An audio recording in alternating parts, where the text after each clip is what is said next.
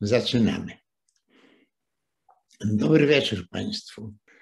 Zbliżają się zapewne wybory parlamentarne. Najprawdopodobniej mogą one być już, już na jesieni. Jest czasu więcej, czasu jest trzy lata, ale ponieważ te generacje, które głosują zapisem, generalnie, nie wszyscy przecież, to są generacje Solidarności, generacje, które uczestniczyły w działaniach Solidarności w latach 80. i bezpośrednio po tym, na początku stanu wojennego, i które, że tak powiem, traciły, traciły aktywność już pod koniec lat 80. I, i, i, i pokolenie ich dzieci, czyli wasze, wasze pokolenie, gdzieś od połowy lat 80.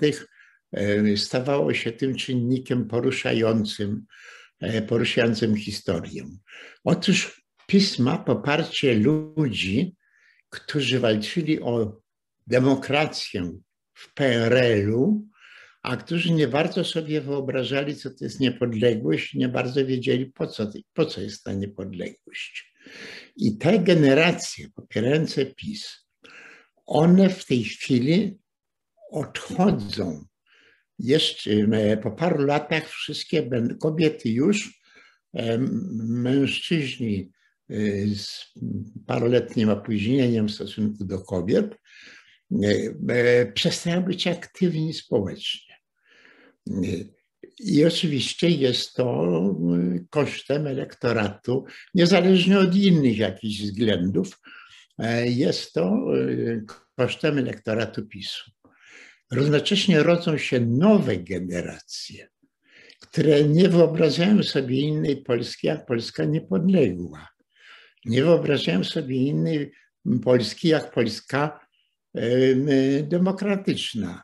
Nie wyobrażają sobie innej Polski, jak Polska nowoczesna, a tą nowoczesność na, pobierają głównie z Europy Zachodniej młode pokolenia chłoną ten rozwój cywilizacyjny i są przeciwko PiSowi. Co widzimy w trwających manifestacjach. PiS nie jest w stanie zorganizować manifestacji ulicznych, no bo starsi ludzie e, już w wieku emerytalnym e, nie, nie, tak, nie, niezbyt się nadają do organizowania manifestacji. Natomiast młodzież wręcz przeciwnie. Tak, jak to, tak to dzisiaj wygląda.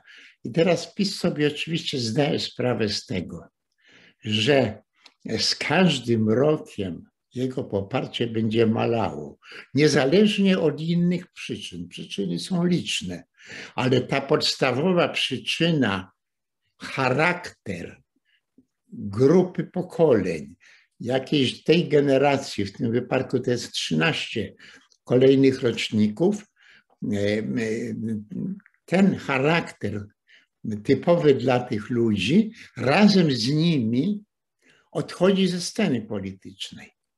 I to nie, żadna polityka na to nie ma wpływu. Oni są po prostu tak ukształtowani i dlatego odchodzą.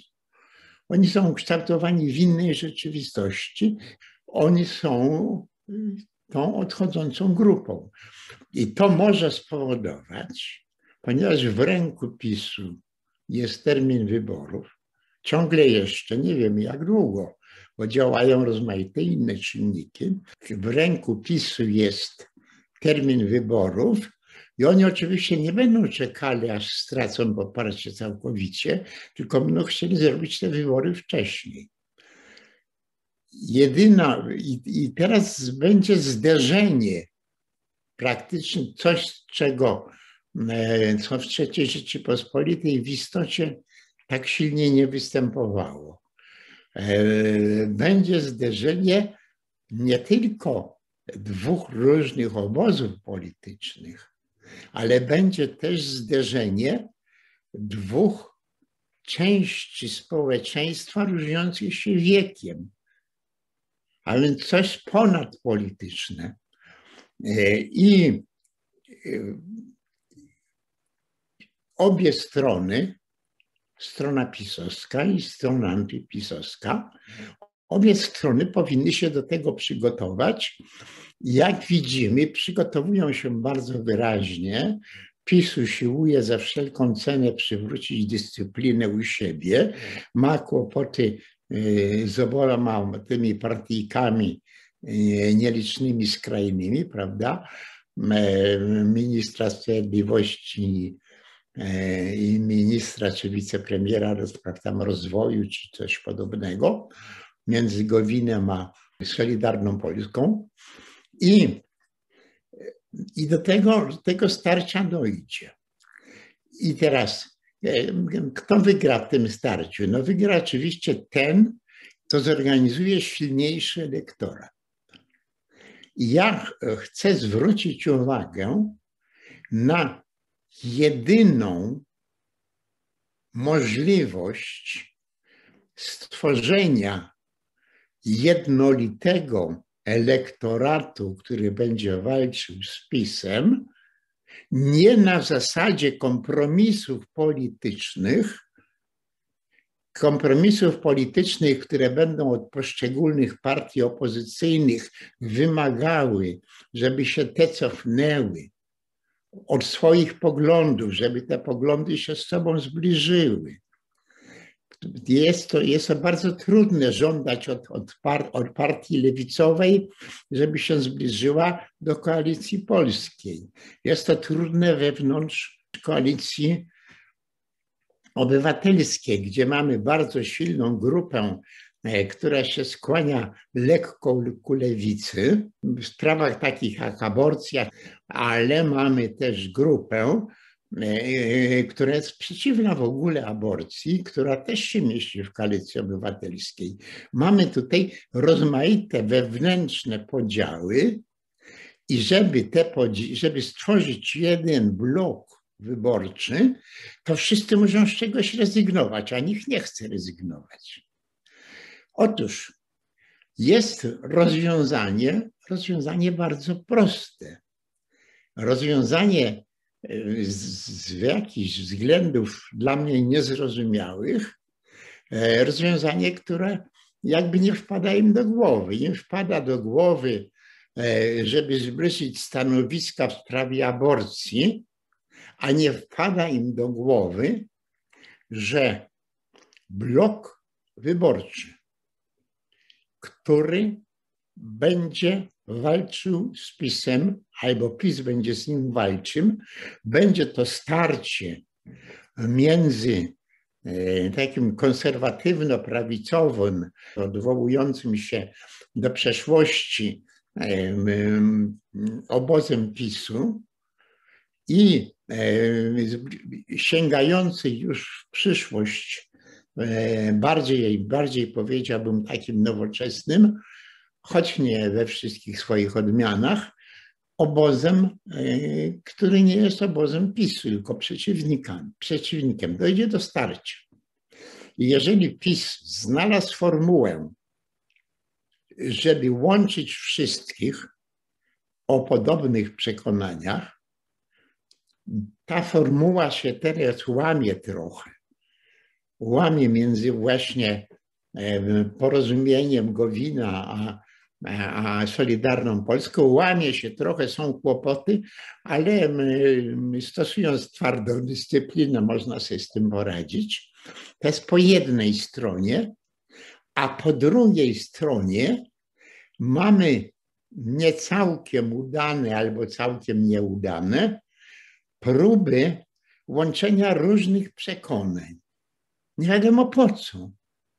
Ponieważ zarówno skrajna e, lewica, która się mieści e, na tym skrzydle e, zewnętrznym lewicy, jak skrajna prawica, która się pojawia w koalicji polskiej, one mają inne przekonania i one tych przekonań przecież nie zmienią. One będą one będą, muszą iść na jakieś kompromisy. Właściwie nie wiadomo, dlaczego muszą iść na te kompromisy, żeby stworzyć jeden blok przeciwko blokowi PiS. I teraz jaka jest odpowiedź? Odpowiedź jest taka, żeby stworzyć jednolity blok wyborczy, wystarczy znaleźć kilka kwestii, co do których nikt w tej opozycji nie będzie miał wątpliwości. Tak jak są takie kwestie po stronie PiSu i Zjednoczonej Prawicy, w których tam nikt nie ma wątpliwości i to łączy ich, to tak samo powinno to powstać po drugiej stronie barykady. Co jest czynnikiem łączącym? Jest ten czynnik łączący, wszyscy o tym wiedzą, tylko nie bardzo to rozumieją. Ten czynnik łączący polega na tym, że partie opozycyjne chcą przywrócenia porządku konstytucyjnego. Nic więcej przywrócenia porządku konstytucyjnego. I żeby stworzyć blok jednolity, blok wymierzony w PiS, nie trzeba żadnych kompromisów, trzeba tylko na plan pierwszy wysunąć przywrócenie porządku konstytucyjnego. Ja e, w siedmiu punktach e, spisałem, na czym polega przywrócenie porządku konstytucyjnego. I od lewicy po prawicę wszyscy to wiedzą. Wszyscy to wiedzą, tylko są bardziej zajęci bliższymi kwestiami, jak tam aborcja, e, w koalicji polskiej inaczej, na lewicy inaczej. Tym są zajęci bardzo dobrze, że są tym zajęci, ponieważ powinni w tych swoich sprawach sprecyzować swoje stanowisko do końca, pokazać odmienności. To jest bardzo dobre. Tylko to nie jest bazą do wspólnej listy wyborczej. Wspólna lista wyborcza musi być oparta tylko i wyłącznie o sprawach polegających na przywróceniu porządku konstytucyjnego. Jak wyliczyłem siedem punktów? Może ich być więcej, choć będzie to raczej chyba trudne. E, może ich być mniej, może być trzy, może być cztery. Nie jest ważne, ile będzie tych punktów, ale w każdym razie kilka tylko punktów, które w ogóle nie nie dotyczą poglądów partii politycznych opozycyjnych. I to są takie kwestie. Po pierwsze, przywrócenie zgodności z konstytucją, ponieważ od tej konstytucji częściowo odeszliśmy. W tym powołanie Krajowej Rady Sądownictwa w sposób, o czym zapomniano, określony przez artykuł 187 Konstytucji. Ten artykuł bardzo dokładnie opowiada, wyjaśnia, kto wchodzi, kto jest powoływany, przez kogo jest powoływany i tworzy Krajową Radę Sądownictwa. Nie ma to nic wspólnego z obecną Krajową Radą Sądownictwa. A więc punkt pierwszy. Przywrócić porządek konstytucyjny a w szczególności przywrócić konstytucyjny kształt Krajowej Rady e, Sądownictwa. Druga kwestia. Likwidacja wszelkich urzędów, instytucji, izb nieprzewidzianych w ustawie konstytucyjnej. Powstały rozmaite e, nowe urzędy, na przykład Izba Dyscyplinarna. E, ta izba dyscyplinarna została już podważona przez e, Trybunał Sprawiedliwości Unii. E, ostatnio zapadł wyrok sądu administracyjnego, który stwierdza, że ta izba jest ciałem pozakonstytucyjnym, a więc nie może istnieć. Otóż wszystkie takie instytucje, które nie są przewidziane w konstytucji, muszą być zlikwidowane.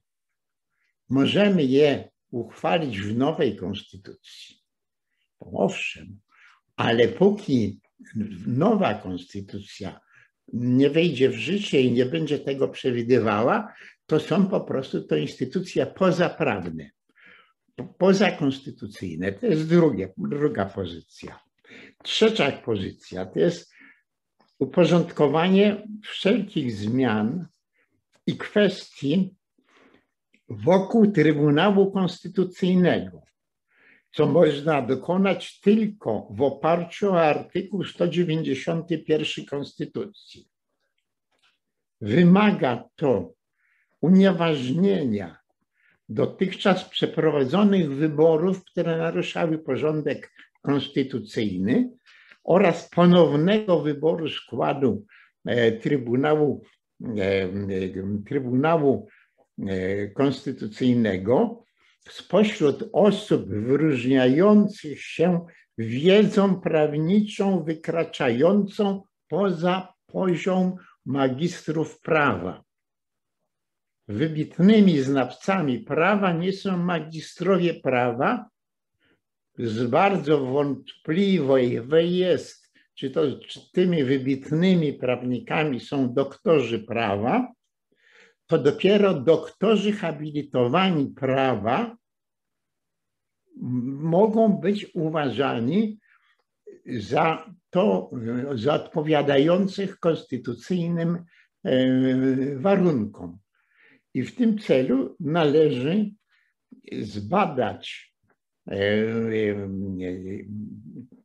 unieważnić dotychczas przeprowadzone wybory oraz dokonać ponownego wyboru jej składu spośród osób wyrażających się wiedzą prawniczą wykraczającą poza poziom uzyskiwany przez magistra prawa. Konstytucyjny nie ma uprawnień legislacyjnych.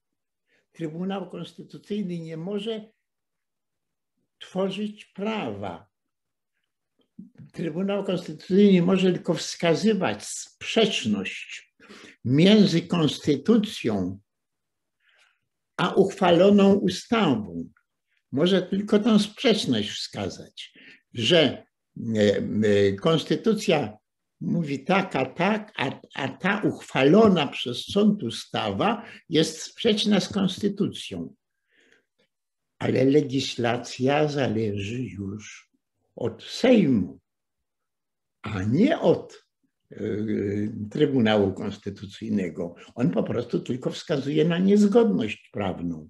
Oczywiście, że jest to w tym sensie obowiązujące, że żaden rząd nie powinien wprowadzać ustaw, które są niezgodne z konstytucją, tylko w tym zakresie. Ale Trybunał Konstytucyjny nie może orzekać, jaka powinna być ustawa. On jest do tego niepowołany. On jest powołany do zbadania zgodności z konstytucją uchwalonej e, wcześniej, później, niedawno, dawno obojętne ustawy. Bierze jakąś ustawę na warsztat, podejrzewając, że jest ona sprzeczna z konstytucją. Jeżeli dochodzi do tego wniosku, powiadamia o tym rząd, powinno to się znaleźć w dzienniku ustaw i dalej rząd, nie rząd, przepraszam, nie rząd, a Sejm, i dalej ten Sejm powinien dokonać poprawy tej sprzecznej ustawy.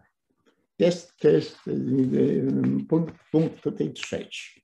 Czwarty punkt, który proponuję, to jest pociągnięcie do odpowiedzialności prawnej wszystkich osób. Prawnej odpowiedzialności. Ja nie mówię o karnej. Mówię o prawnej. Pociągnięcie do odpowiedzialności może to być karna, ale jest to pociągnięcie do odpowiedzialności prawnej wszystkich osób, które uczestniczyły w organizowaniu wskazanych wyżej pozakonstytucyjnych instytucji, względnie w ich ramach podejmowały merytoryczne decyzje. jeśli istnieje jakaś instytucja, nie wymieniajmy jej nawet, jeżeli istnieje jakaś instytucja, która jest na przykład sądowa, która jest sprzeczna z konstytucją, to ona jest nieistniejąca w sensie konstytucyjnym. I ludzie, którzy w ramach tej instytucji podejmują jakieś decyzje, podlegają odpowiedzialności prawnej, ponieważ dokonują czynów niedozwolonych. Tak to, tak to wynika z naszej konstytucji. Ta konstytucja może się podobać, może się nie podobać. Ja osobiście głosowałem przeciwko tej konstytucji. To nie jest tak, że ja, e, że ja bezkrytycznie, ja głosowałem przeciwko. Otóż ci ludzie, którzy po prostu działali, działali poza prawem, poza prawem konstytucyjnym, muszą być pociągnięci do jakiejś odpowiedzialności prawnej. Piąty punkt to jest wyeliminowanie wszelkich niepotwierdzonych konstytucyjnie reliktów prawnych, ewentualnie instytucjonalnych dotyczących powołania instytucji, powołanych, istniejących do dzisiaj a działających wewnątrz PRL-u. Proszę pamiętać, że mamy do dzisiaj przepisy prawne niezmienione, mamy dzisiaj instytucje prawne niezmienione. Ja myślę, że o tym porozmawiamy jeszcze oddzielnie za tydzień. Mamy takie instytucje, które powstały i zostały stworzone w państwie totalitarnym i które przemknęły, przesunęły się i to w sposób pozakonstytucyjny, ponieważ konstytucja się do nich nie odwołała i funkcjonują dzisiaj w państwie polskim. I jeszcze dwie ostatnie kwestie. Szósta kwestia.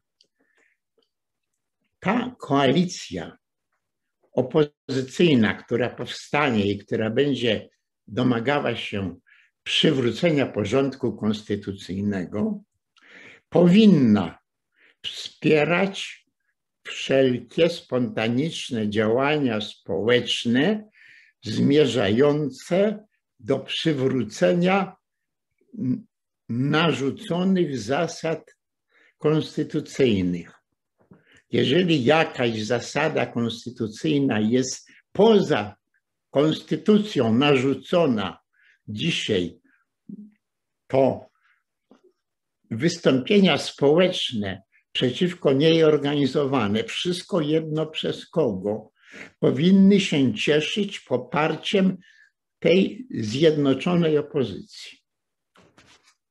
I, I ja dodałem tutaj jeszcze punkt siódmy który jest punktem bardzo ważnym i który powinien być włączony już w kampanię wyborczą. Tym punktem siódmym jest zapowiedź uchwalenia ustawy prasowej. My nie mamy szerokiej ustawy prasowej, która reguluje podstawowe kwestie. Tak na przykład telewizja publiczna powinna w równej mierze popierać wszystkie partie polityczne. W równej mierze, a nie popiera. Nie, e, popiera tylko obóz rządzący. To nie jest przecież instytucja obozu rządzącego, to jest instytucja publiczna. Otóż e, ustawa prasowa jest niesłychanie ważna, ponieważ ustawa prasowa powinna bronić z jednej strony wolnej prasy, z drugiej strony ograniczyć możliwość rządu i partii politycznych do powoływania własnych środków przekazu. Rząd oczywiście powinien mieć jakiś organ, który będzie tłumaczył, dlaczego ten rząd działa tak, a nie inaczej.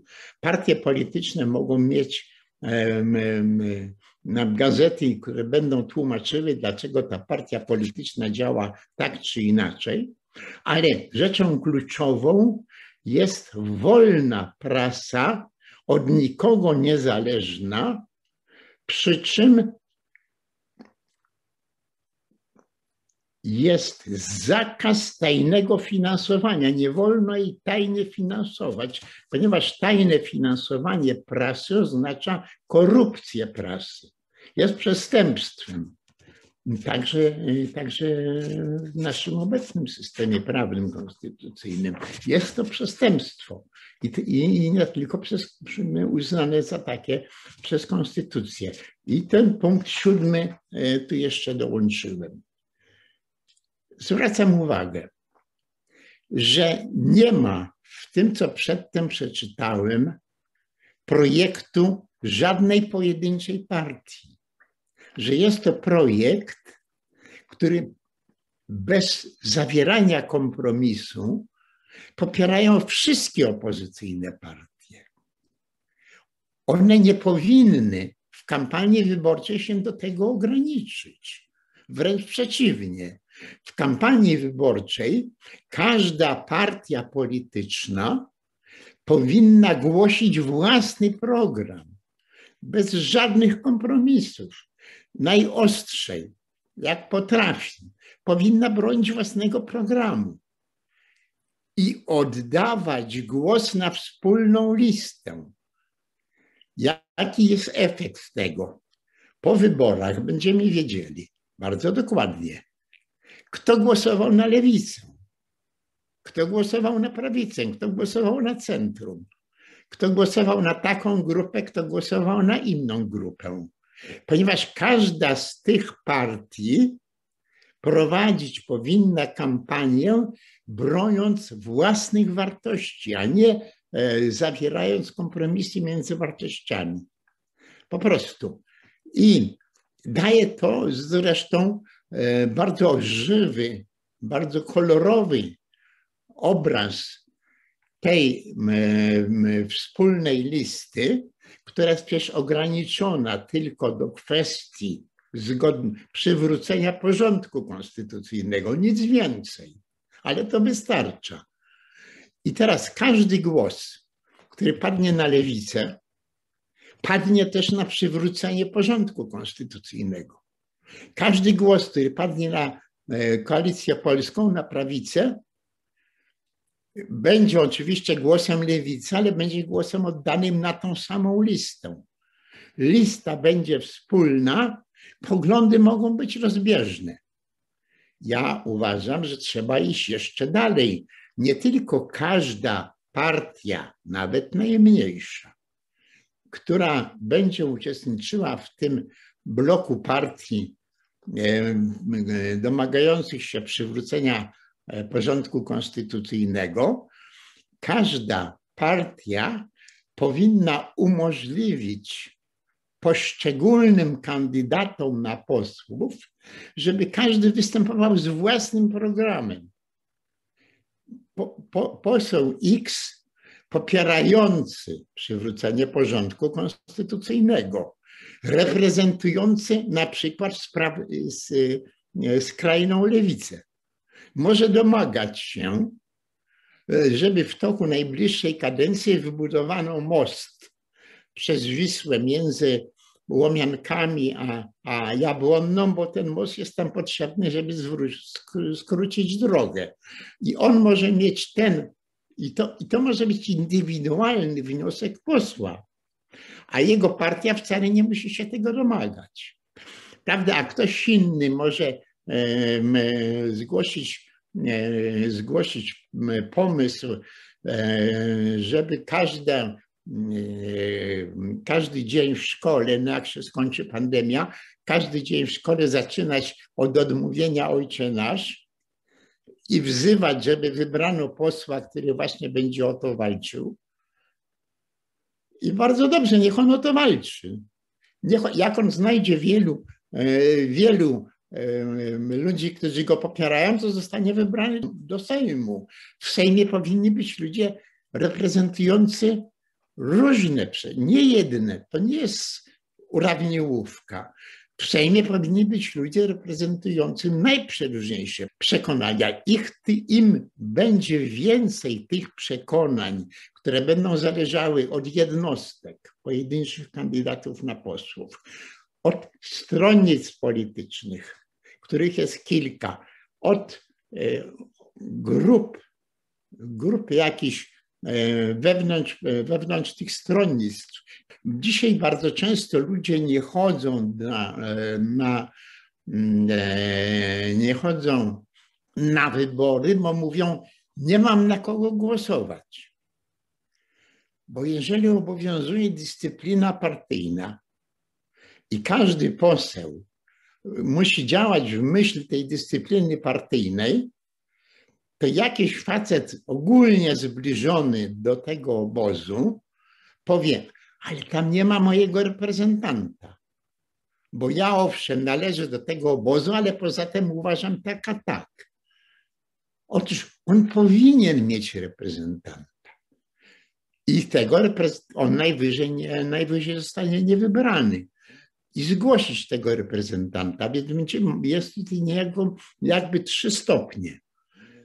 Najwyższy stopień, który dotyczy tylko przywrócenia porządku konstytucyjnego. Tylko. I za którym cały ten obóz przecież się, przecież się opowiada. Wszystkie lewica, centrum, prawica opowiadają się za tym. Jest to, że tak wspólny charakter.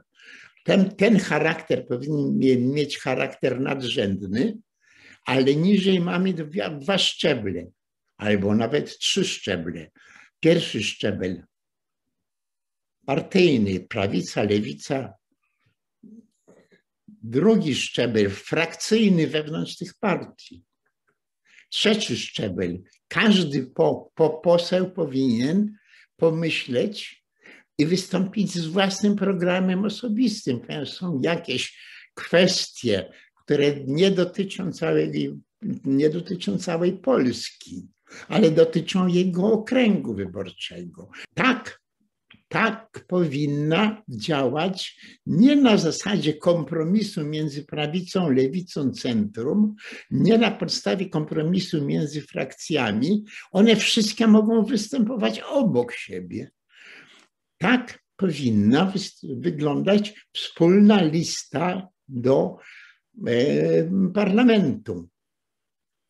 Pełna barw pełna barw partyjnych, pełna barw indywidualnych i wszystkie głosy kierujące na jeden punkt, jakim jest przywrócenie porządku konstytucyjnego. Tak to po prostu powinno być zorganizowane. Czy jest to trudne? Nie, to nie jest trudne. Czy jest to jakieś nowe wymyślenie. Ja wcale nie uważam, że to jest żadne nowe wymyślenie. Mnie interesuje e, historia, e, historia e, demokracji.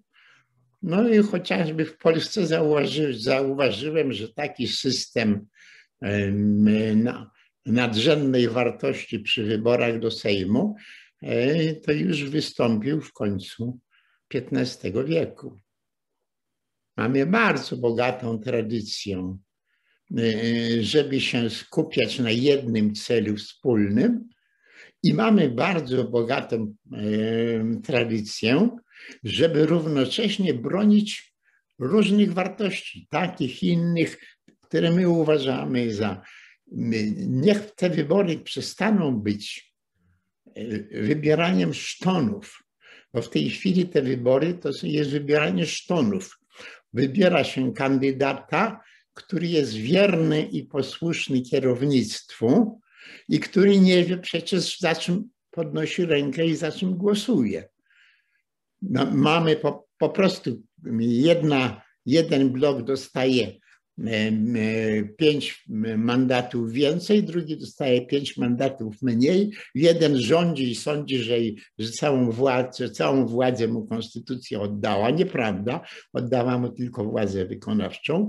Jest to, że tak powiem, odejście nie tylko od systemu konstytucyjnego, ale jest to także odejście od zdrowego rozsądku i przywrócenie tego zdrowego rozsądku określone ściśle wąskie zadanie kluczowego, kluczowego charakteru. Przywracamy porządek konstytucyjny. Powtarzam, ja głosowałem przeciwko tej konstytucji. On ma, ma swoje plusy, ma swoje minusy. Wyłażą one dzisiaj, są rozmaite artykuły nieprecyzyjnie napisane i tak dalej, ale istnieje ten porządek konstytucyjny.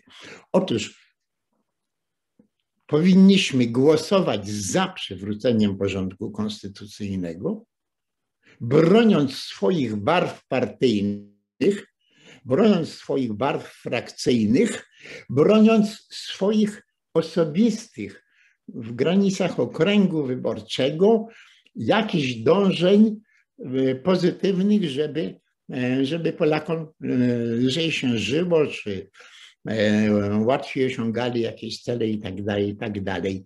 Jedno drugiemu nie przeszkadza. Wielobarwność tego bloku nie przeszkadza, tak samo jak w PiSie. Skrajna ta grupka E, porozumienia Gowina i skrajna ta grupka e, e, Solidarnej Polski różnią się przecież od siebie całkowicie, ale głosują na to samo. Najwyższy czas, żeby opozycja też głosowała na to samo. To wszystko, co ja dzisiaj mam do powiedzenia.